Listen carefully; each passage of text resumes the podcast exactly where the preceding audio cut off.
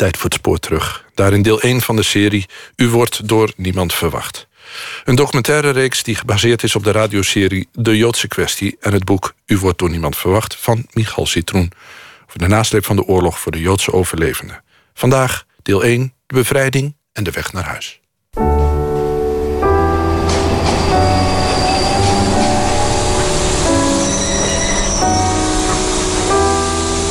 De zomer van 1945 stapte een Joodse vrouw op het Centraal Station van Amsterdam uit de trein. Na drie jaar concentratiekamp was zij weer thuis. De komende vier weken hoort u in deze spoorterugserie de naoorlogse geschiedenis van de Joodse overlevenden in Nederland. Het zijn de verhalen van lotgenoten van mijn grootvader. Ze meldde zich in de stationshal bij een ambtenaar achter een tafeltje om zich te laten registreren.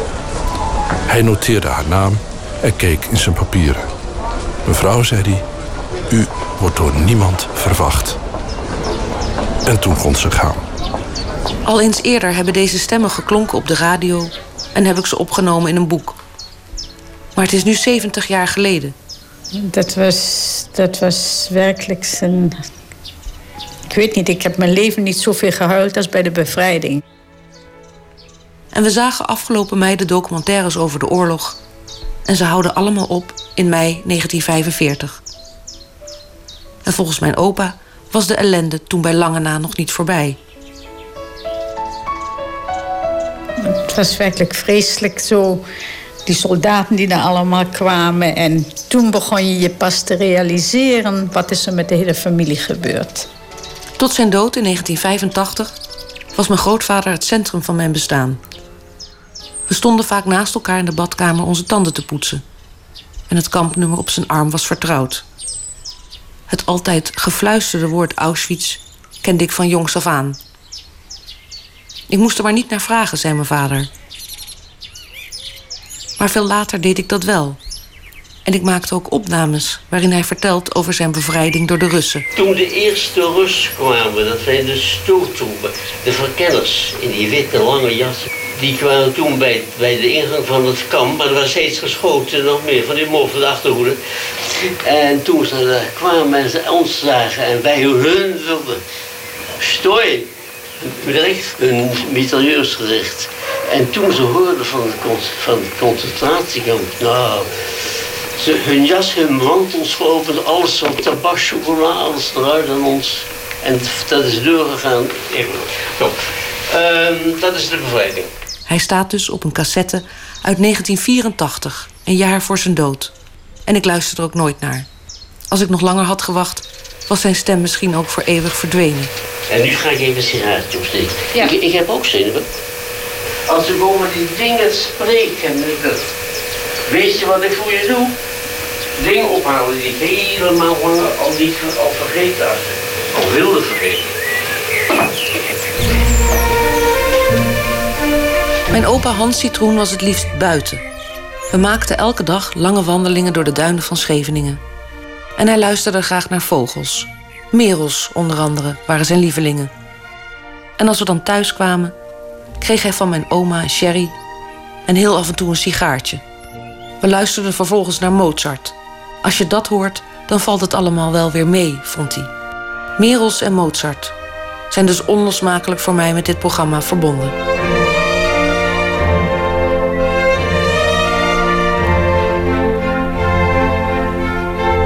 Het Russische leger bevrijdde op 22 april 1945 het concentratiekamp Sachsenhausen-Oranienburg ten noorden van Berlijn.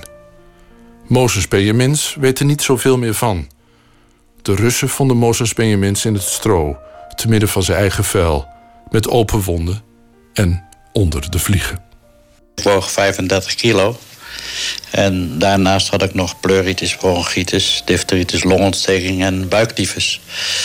Dus ze hebben me daar uh, met penicilline en DDT weer helemaal een beetje opgeknapt. Totdat je weer zo'n 50 kilo En dan mag je pas gaan denken om naar huis te gaan. Ik vroeg voor het slapen gaan altijd naar zijn thuiskomen uit Auschwitz. En ze vertelden het braaf telkens opnieuw. Hoe hij opeens in Den Haag verscheen in augustus 1945. Dat hij met een hoed op en een koffertje door de straat liep terwijl niemand erop rekende dat hij nog leefde. Het mooiste moment was altijd wanneer mijn oma nadeed hoe ze met wilde haren, een schort aan en een pollepel in haar hand naar buiten stormde en hem huilend in de armen vloog. Ik vond het een prachtig sprookje. Hij was terug uit het kamp en ze leefden nog lang en gelukkig. Tot het moment dat hij me te oud vond om nog in het sprookje te geloven. Je moet nu naar me luisteren, zei hij met een ongebruikelijke strengheid. Het is anders te laat. Het is eigenlijk al te laat. In het concentratiekamp Bergen-Belsen waren in de maanden voor de bevrijding tienduizenden gevangenen aangekomen uit het geëvacueerde Auschwitz. Velen al doodziek van de zich snel verspreidende vlektyfus. Per dag stierven honderden gevangenen. De Britten deden na de bevrijding van het kamp pogingen met voedsel, water en medicijnen te redden wat er te redden viel. Ghana Shapira werd in het voorjaar van 1945 door de geallieerden bevrijd. In een trein. We waren dus uit de helft van Bergen-Belsen waren we eigenlijk verlost. Maar in de trein stierf bijvoorbeeld een hele goede vriendin van mij. Op, op weg, en dan zei ze nog, het is te laat. Toen dat gebeurde. Um, in Bergen-Belsen heb ik dikwijls tegen mezelf gezegd: als ik dit overleef, dan ga ik naar Palestina. Dat heb ik mij toen voorgenomen. Het was toen nog geen Israël natuurlijk. Um, wij zijn dus in Bibrach geïnterneerd. En toen kon je beginnen ziek te zijn. In Bergen-Belsen kon je niet ziek zijn. Wij hadden allemaal vreselijke diarree. Er waren mensen die ook daar sterven. We kregen pakketten van het Rode Kruis. En we waren zo uitgehongerd naar iets zoets. Ik weet nog dat er een busje condensmelk was er in zo'n pakket. Oh god. En ik nam zo'n lepeltje van dat condensmelk en ik ging bijna dood ervan.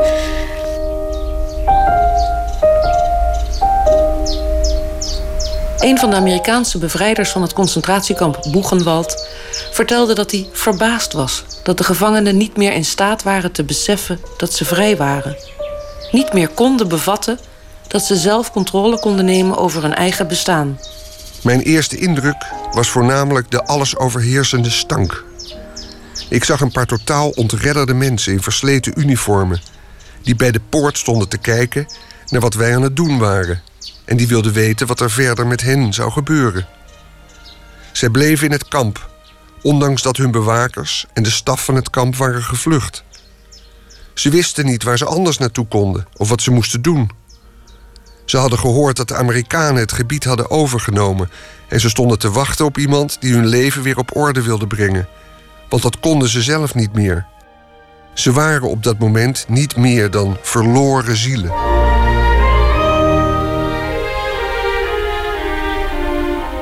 Met die penicilline en die DDT die ze dan hadden, hebben ze weer helemaal een beetje opgeknapt. Want ze hebben daar ook nog foto van mij gemaakt als muzelman. Dat is dan een levend uh, ja, geraamte, kan je wel zeggen.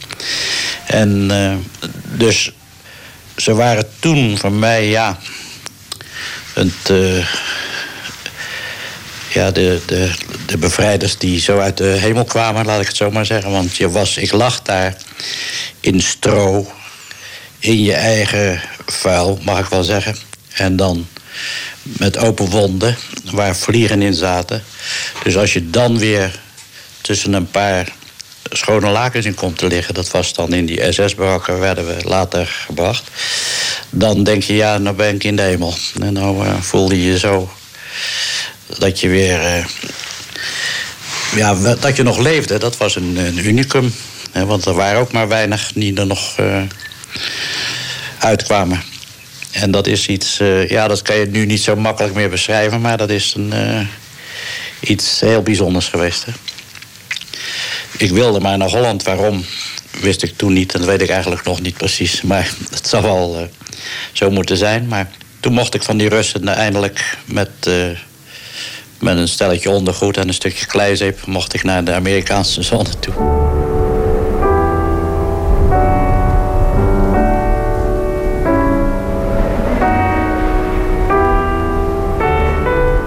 David Reichman werd in januari 1945 uit het concentratiekamp Auschwitz geëvacueerd.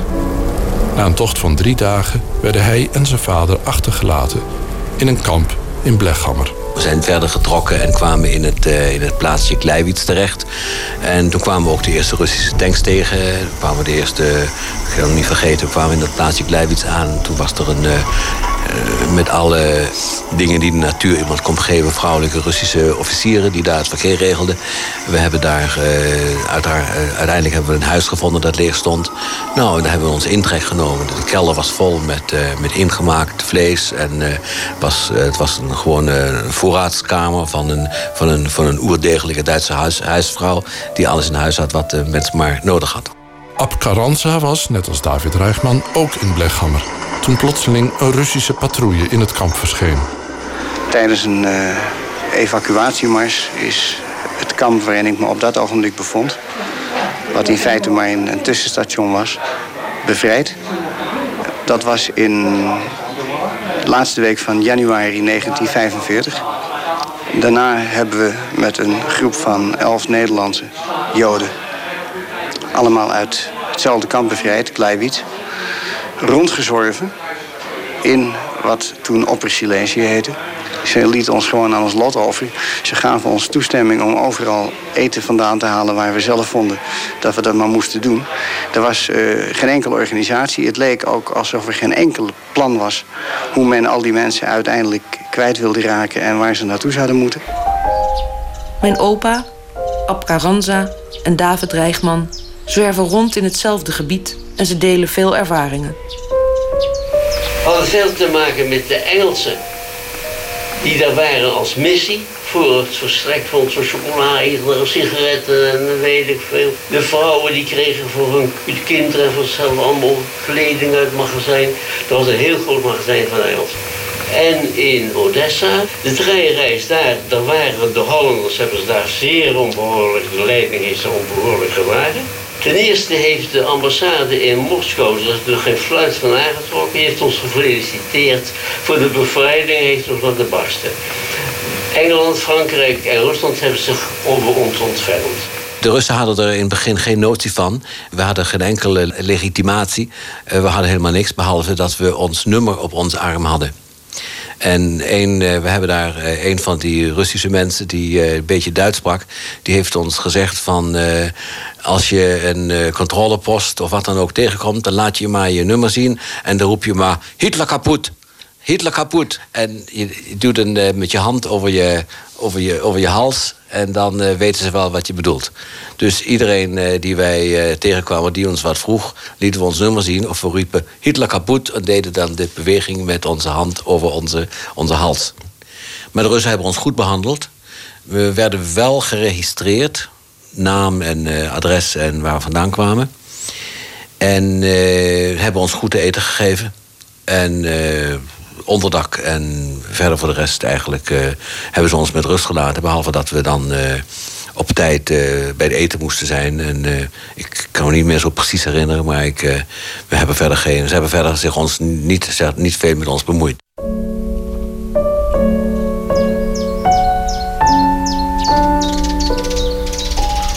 Had vroeger een naïef beeld van de bevrijding.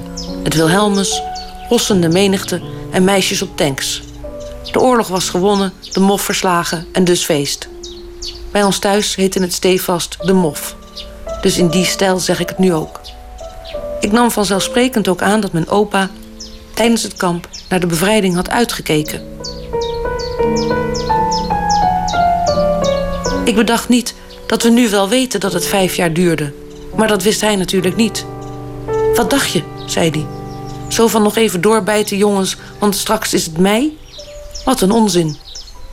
De gedachte aan thuiskomst, dat paste niet in Auschwitz. Overleven was al moeilijk genoeg. Iemand anders zei een keer in een interview... dat denken aan thuis was ondraaglijk. Hoezo feest? Wat viel er eigenlijk te vieren, vroeg mijn opa. De Italiaanse schrijver Primo Levi bevond zich op 27 januari 1945 in een ziekenbarak van Auschwitz. De Duitsers hadden in het lager Buna Monowitz 800 zieken achtergelaten toen ze met de rest van de gevangenen op de vlucht sloegen voor het Rode Leger. Van die 800 bezweken omstreeks 500 aan ziekte, honger en kou voor de Russen kwamen en nog eens 200, ondanks de geboden hulp, in de dagen onmiddellijk daarna. Het vervulde ons tegelijkertijd met vreugde en een vroegend schaamtegevoel, zodat we onze gewetens en geheugens hadden willen schoonwassen van het vuil dat erin opgehoopt lag. En het vervulde ons met verdriet, omdat we voelden dat het niet kon, dat niets ooit meer zo goed en zuiver zou zijn dat het ons verleden kon uitwissen. Primo Levi schrijft 50 jaar later dat het uur van de bevrijding voor hem sloeg met een zware, doffe klank. De tekens van het geleden onrecht zouden voor altijd in ons blijven. In de herinnering van wie erbij was. In de plaatsen waar het gebeurde. In de verhalen die we erover zouden vertellen. Die dingen die we toen maar vaag beseften en die de meesten alleen maar voelden als een plotselinge golf van dodelijke vermoeidheid, begeleiden voor ons de vreugde van de bevrijding. Daarom liepen maar weinigen van ons de redders tegemoet. Maar weinigen vielen op hun knieën en dankten God. Anders dan in andere landen, bijvoorbeeld in West-Duitsland, waar Amerikanen en Engelsen kampen bevrijd hebben. En ik geloof ook andere kampen waar uh, die bevrijding min of meer georganiseerd door de Russen tot stand kwam, was er bij ons helemaal niets. Uh, wij hebben gewoon uh, bij boeren aangeklopt. En we hebben één keer een ziekenhuis dat inmiddels wel verlaten was, leeggehaald. We hebben wel een Russisch officier zover gekregen dat hij een varken voor ons geslacht heeft. Althans doodgeschoten. En dat hebben we zelf geslacht en gepekeld. Maar we hebben al die maanden zelf voor ons, ons eten gezorgd. Dan heb je geen idee van, Michel. Dat hele gebied. Dat hele grote gebied. Waarin Berlijn ligt, waarin uh, Dresden ligt, waarin een hele stuk van Polen. Dat had het stond voorbereid voor een laatste slag. Dus daar in dat hele gebied, daar op de achtergrond, daar lag een Russisch leger, daar hadden wij geen idee van. En die braken in januari ineens uit. Die schoten alles plat. Toen wij terug, toen ik teruggelopen ben, daar toen naar Katowice, drie dagen met een paar lui. Toen lag langs de weg één keten van, van Duits nieuw oorlogsmateriaal. Alles in puin geschoten. De enige goede opvang die ik me nog die ik me kan herinneren is toen wij in Czernowitz aankwamen. Met een, uh, met een groep gevangenen die we liepen door de stad heen. Uh, Czernowitz is een stad in uh, dit nu Rusland is, wat vroeger de hoofdstad van Roemenië was. Toen heeft ons een Joodse inwoner daar, heeft mijn vader en mij uitgepikt uit de groep en mee naar zijn woning genomen. Die heeft ons in bad gestopt, heeft ons uh, twee sneetjes wittebrood met twee gebakken eieren gemaakt. En heeft ons echt weer behandeld als, als burgers. En ik moet zeggen, vanaf dat moment voelde ik mij voor het eerst eigenlijk weer mens zijn. Gelukkig waren er bij ons een paar mensen die zo verstandig waren dat ze ervoor zorgden dat we ons niet gelijk kapot gegeten hebben. Dus heel met mate gegaan. Er zijn een heleboel ongelukken toen gebeurd. Mensen die ze letterlijk doodgegeten hebben. Gerrit Groen was 15 jaar toen hij op 15 april 1945 in Bergen-Belsen werd bevrijd. Hij werd na enige tijd met zo'n 2000 overlevenden ondergebracht in Treubitz, 60 kilometer ten oosten van Leipzig. Alleen al onder de Nederlanders in dat dorp eiste de vlektyfus-epidemie nog bijna 160 slachtoffers, onder wie de moeder en de grootmoeder van Gerrit Groen. Ik bleef alleen achter, zonder dat iemand zich om mij bekommerde. Ook de Russen niet. Die dachten alleen aan horloges en vrouwen. In het warme, ontbloeiende voorjaar liepen de mensen huiverend van de koorts, ziekte, verdriet en verlangen door een paar eenzame straten van het dorp. Er zijn, met behulp van de Russen, hospitalen ingericht en een tweetal omvangrijke Joodse begraafplaatsen. Lea Cohen, een overlevende van het concentratiekamp Ravensbrück, wilde onder geen enkele voorwaarde na haar bevrijding nog langer in het kamp blijven. Samen met twee kampzusjes kwam ze een paar dagen later lopend aan bij een ziekenhuis in Neustadt. Helaas was daar maar plek voor twee, niet voor drie. De drie vrouwen besloten loodjes te trekken om uit te maken wie mocht blijven. Lea verloor.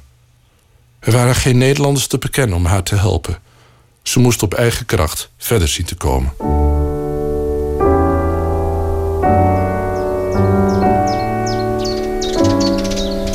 Even naïef was mijn oorspronkelijke veronderstelling van wat er na de bevrijding van de kampen zou gebeuren. Door mijn naoorlogse bril uit de jaren tachtig toen was het vanzelfsprekend dat de Nederlandse overlevenden zouden worden opgevangen door een leger van hulpverleners. Klaar stonden ze om na mei 1945 ze te verwelkomen, te koesteren en te verzorgen. Want zo deden we dat in Nederland. Zoiets had, gek genoeg, koningin Wilhelmina ook plechtig beloofd op 24 april 1943. Allen wie gezin uiteengerukt is, geef ik de verzekering dat zodra wij vrij zijn, het uiterste gedaan zal worden om deze nieuwe slachtoffers van het schrikbewind ten spoedigste te doen terugkeren en hun leed en dat hun zo zwaar beproefde gezinnen zoveel mogelijk te verzachten. Plannen liggen gereed om hun terugkeer zo doeltreffend en zo vlug mogelijk te doen verlopen en hen gezond en wel naar hun woonplaatsen terug te voeren. De plannen liggen klaar, zegt de vorstin. Nou, dat klopt gedeeltelijk wat ze beweert. Maar helaas bleven het plannen. Er waren in Londen, waar het Nederlandse kabinet zat, heel veel zorgen over registratie en medische keuringen om besmettelijke ziektes vast te stellen. En er werd een heuse repatriëringscommissie in het leven geroepen. Maar heel voortvarend is die commissie niet te werk gegaan. Niemand die ik sprak heeft daar ooit iemand van gezien. In geen enkel verslag blijkt er eerste hulp te zijn van Nederlandse zijde. Niet één keer heb ik in al die jaren gehoord dat er ergens in Europa een Nederlands transport klaar stond om Nederlandse Joden op te vangen en naar huis te brengen. Toen merkten we in de eerste plaats dat er in Odessa al een aantal mensen waren, zoals wij, die op repatriëring wachten. Maar bovendien hoorden we dat we nog dezelfde dag zouden ingescheept worden op een Engels troepentransportschip. En vielen toen onmiddellijk onder de discipline van de Engelse marine en de Engelse expeditionaire macht. Het commando werd ook gevoerd door Engelse marineofficieren. Werden ook als uh, militairen behandeld. Dat wil zeggen, we sliepen in hangmatten. Maar dat kon ik niet tegen, dus ik ging weer op de grond liggen in mijn hangmat. En toen kregen we ook voor het eerst, na al die tijd, een Rode Kruispakket. Werd onmiddellijk bij het inschepen werd het uitgereikt. Toen we aan boord kwamen, kregen we allemaal een tandenborstel. En met tandpasta. Dat was de eerste in hele lange tijd. En, en een maaltijd s'avonds. En eh, vanaf dat ogenblik, die reis van Odessa naar Marseille heeft ook een week geduurd. Kregen wij normaal drie maaltijden per dag en goede maaltijden. Dus dat was eigenlijk de eerste kennismaking met eh, de beschaving weer.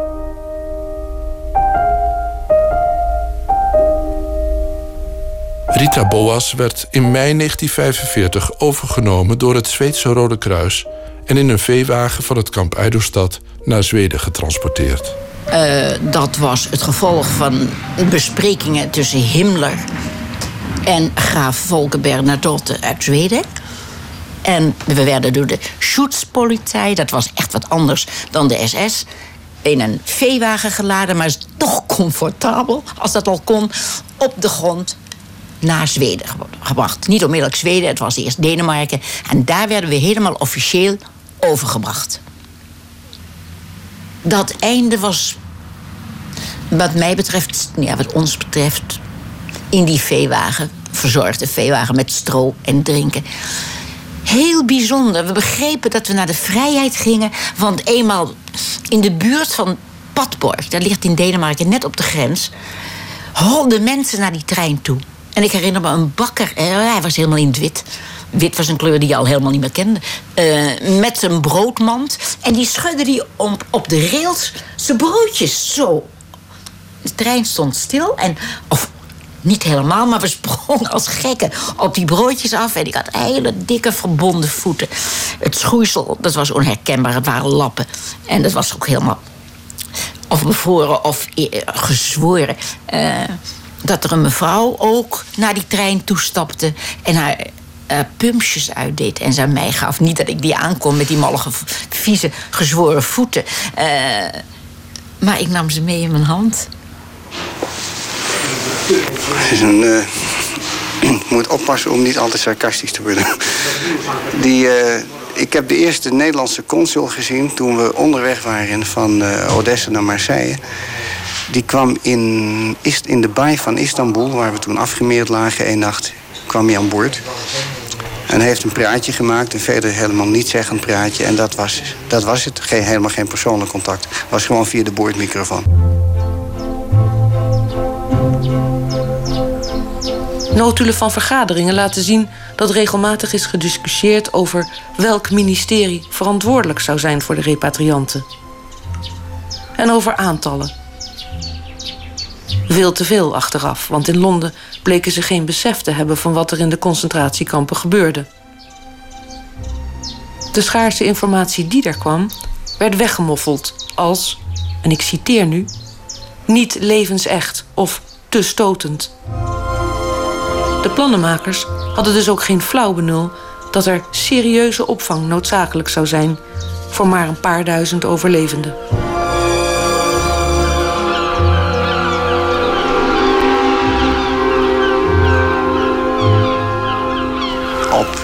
Schip overwegend Joodse overlevenden uit kampen. Dat betekent dus dat het een groot percentage van het totale aantal overlevenden was. Want er zijn maar 5000 mensen uit kampen teruggekomen. De historicus Jacques Presser schrijft hierover in zijn boek over de Jodenvervolging in Nederland, Ondergang. Anderen trachten de Nederlandse regering te benaderen. Zij liet echter de hulpzoekenden in de steek.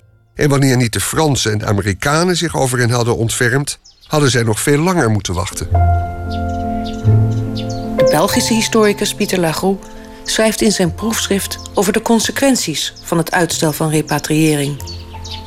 Hij wijt hieraan een overlijdenspercentage van wel 20% onder de verzwakte slachtoffers in de eerste weken na de bevrijding. Misschien waren er wel Nederlanders. Ik heb ze in ieder geval niet ontdekt. Ik heb, ik heb niet met ze gesproken, ik heb ze ook niet gezien. Ik, meen, ik herinner me ook niet dat ze er waren. Maar ik, ik sluit niet uit dat, ze er wel, dat er wel mensen van het Nederlands gezag waren.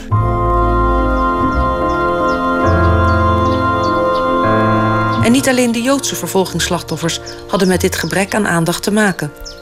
Ook de verzetsmensen die werden bevrijd in Dachau op 29 april 1945 werden aan hun lot overgelaten. Pim Boelaert vertelde dat uit alle landen hulpkolonnes naar Dachau kwamen. Maar geen Nederlanders. Uiteindelijk krijgt hij een lift van een aalmoezenier om zelf in Nederland als vertrouwensman van de Nederlandse gevangenen de repatriëring voor te bereiden.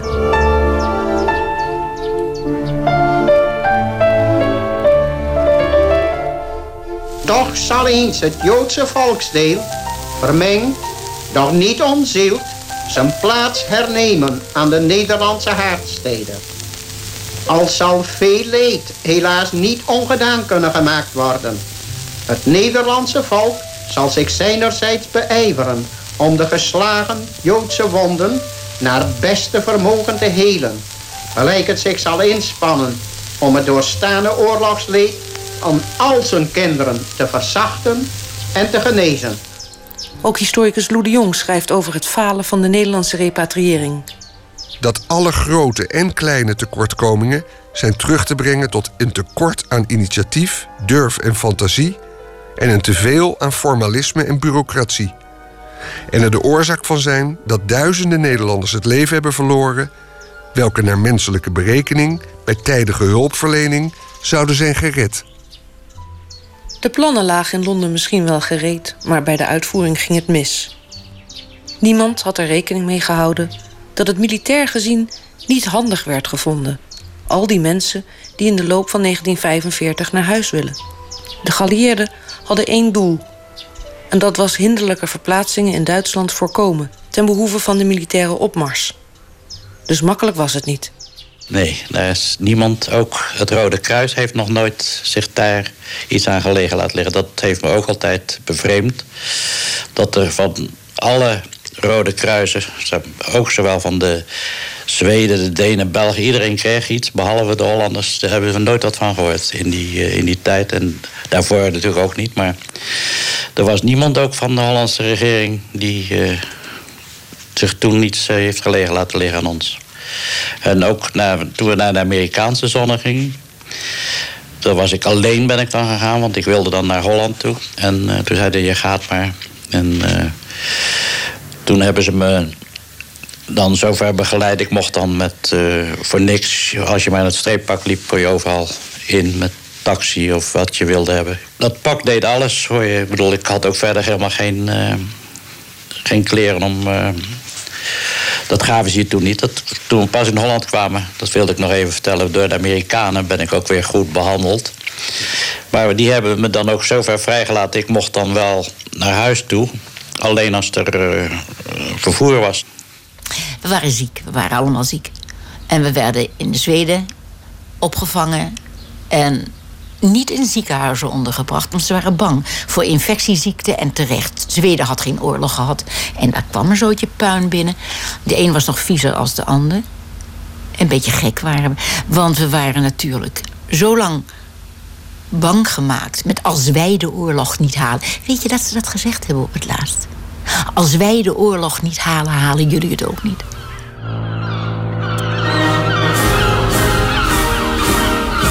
In Marseille was de ontvangst overweldigend. Met muziekkorpsen, met een, als heel groot restaurant ingerichte barak aan, eh, aan de haven. Met medische keuring, tandartsen. Ehm, zowel afgeveiligden van het uh, Rode Kruis, van de Franse overheid met name als ook van diverse Joodse organisaties. Die zorgden dat we. Ik, ben die dag voor het eerst van mijn leven een klein beetje dronken geweest. Want ik kon de hoeveelheid wijn die me aangeboden is niet aan. En ik had nog nooit van mijn leven gedronken. Dat was werkelijk overweldigend. Er is van, voor van alles gezorgd om ons die dag werkelijk uh, in de watten te leggen. S'avonds is ons in Marseille nog een diner aangeboden. En dezelfde avond zijn we op de trein gezet naar het Nederland.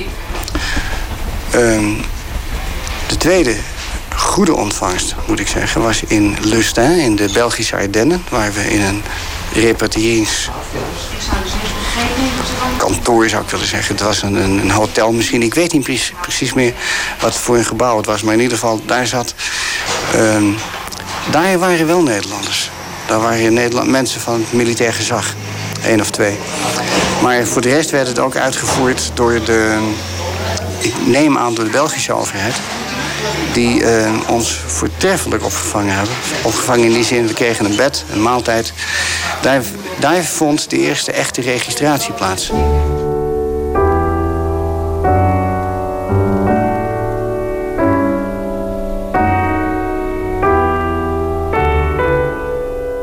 Richard van Dam, Jood en verzetstrijder, was in Ebenzee toen hij door het 7e Amerikaanse leger werd bevrijd. Hij had moeten werken in de steenmijn van het concentratiekamp Mauthausen. Ik was nog natuurlijk in verschrikkelijke toestand. Ik woog 36 kilo en zwaar gewond. Ik ben eh, door de Amerikanen in het hospitaal opgenomen, geopereerd. En eh, fijn, ik kon, toen gingen we met een vliegtuig naar huis. Voor de eerste keer dat ik vloog, in 45, dat was een belevenis. In een, een. We waren met elf Nederlanders. Allemaal politiek gevangenen. We zijn gevlogen van via Linz naar Parijs. En die ontvangst in Parijs. Ik denk niet dat de koningin ooit van de leven ontvangen is. Met brancards natuurlijk waren we. Maar er waren geallieerde militairen. En we werden in eh, speciale uh, ambulances. En op die ambulance stond dan spandoeken pensioneerde politiek de Mauthausen bevrijden. En dan moet je van Le Bourget moet je door de volksbuurt heen. En dat was ongekend. De mensen hadden gewoon de, de straten afgezet. En, en ze deden de deuren open van onze ambulanceauto's. En die vrouwen die zoenden ons. En, en mijn zoon. En het was ongelooflijk, ongelooflijk. En, en, en stokbroden en, en wijn. En nou ja, het was een feest. Zo zijn we ontvangen.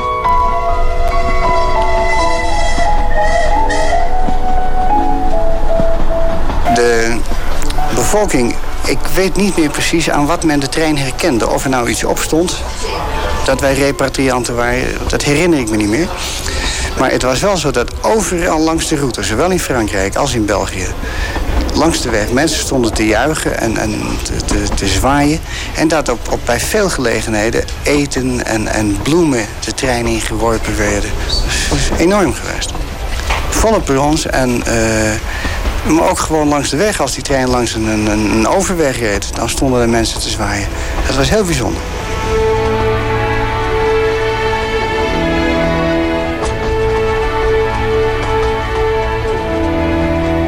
Mijn opa overleefde de eerste maanden na Auschwitz net als Ab Carranza en David Reichman in Opper-Silesië.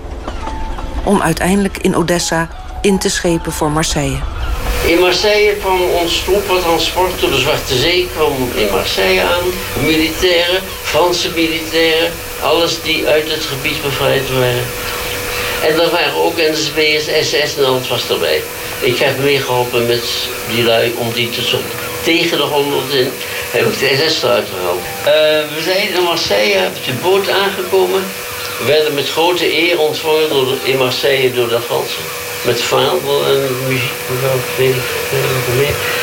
Er waren allemaal stands ingericht met wijn en etenswaren. En wat je maar verder ding, postkantoor enzovoort enzovoort. En dat werden losgelaten, dan mochten we eten en drinken en alles wat we maar wilden. We werden gewacht, de concentratiekampen werden smiddags in een bus gebracht naar een, klooster. En dan kregen we, werden we met te eten, werden we de eer ontvangen en zo. Toen zijn we na één dag in Marseille, stonden er een paar treinen klaar. En die trein is gaan. Op ieder station door Frankrijk heen stopte die. En stond, liepen er meisjes rond met grote manden met kersen en met kannen met wijn. In België waren de Belgen van het Belgische comité aanwezig in de grens van Frankrijk om ons via de luidsprekers te verwelkomen. Toen werd ons meegedeeld in, Mechelen dat we eh, nog even wachten moesten in de trein voordat de grens overging. Want we gingen naar Tilburg, maar Mechelen had nog ten overvloede vermeld. Terwijl eh, Nederland, het bevrijde Nederland, al wist dat die trein zou komen.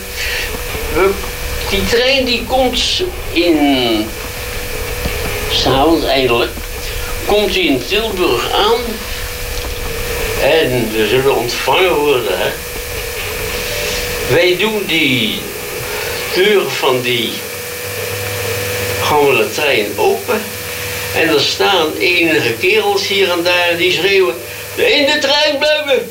Niet uitstappen! In de trein blijven! Dat was de ontvangst.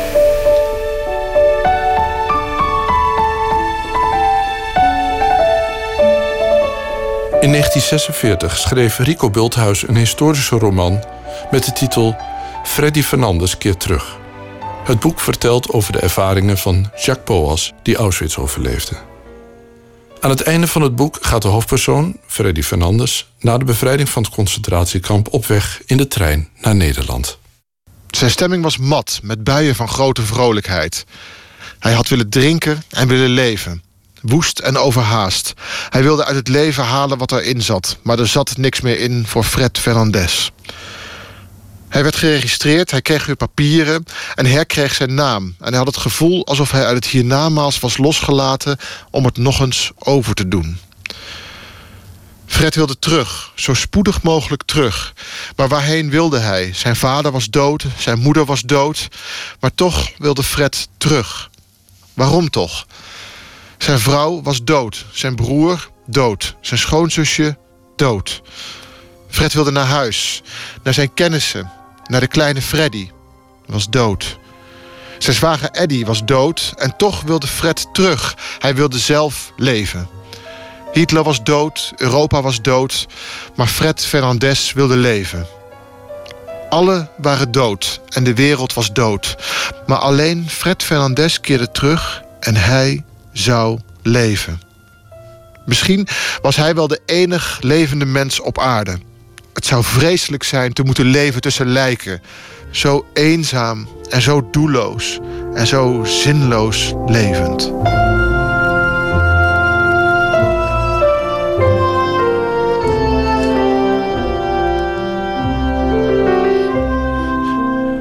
Deel 1 van een serie van vier van Michal Citroen... gemonteerd met Berry Kamer. In de serie hoort u interviews met overlevenden van de Shoah... die voor een deel zijn gemaakt in 1985 door Michal Citroen en Gij Jochems. Zijn gesprekken in Nederland en in Israël met mensen die inmiddels zijn overleden. Volgende week de aflevering Terug in Nederland.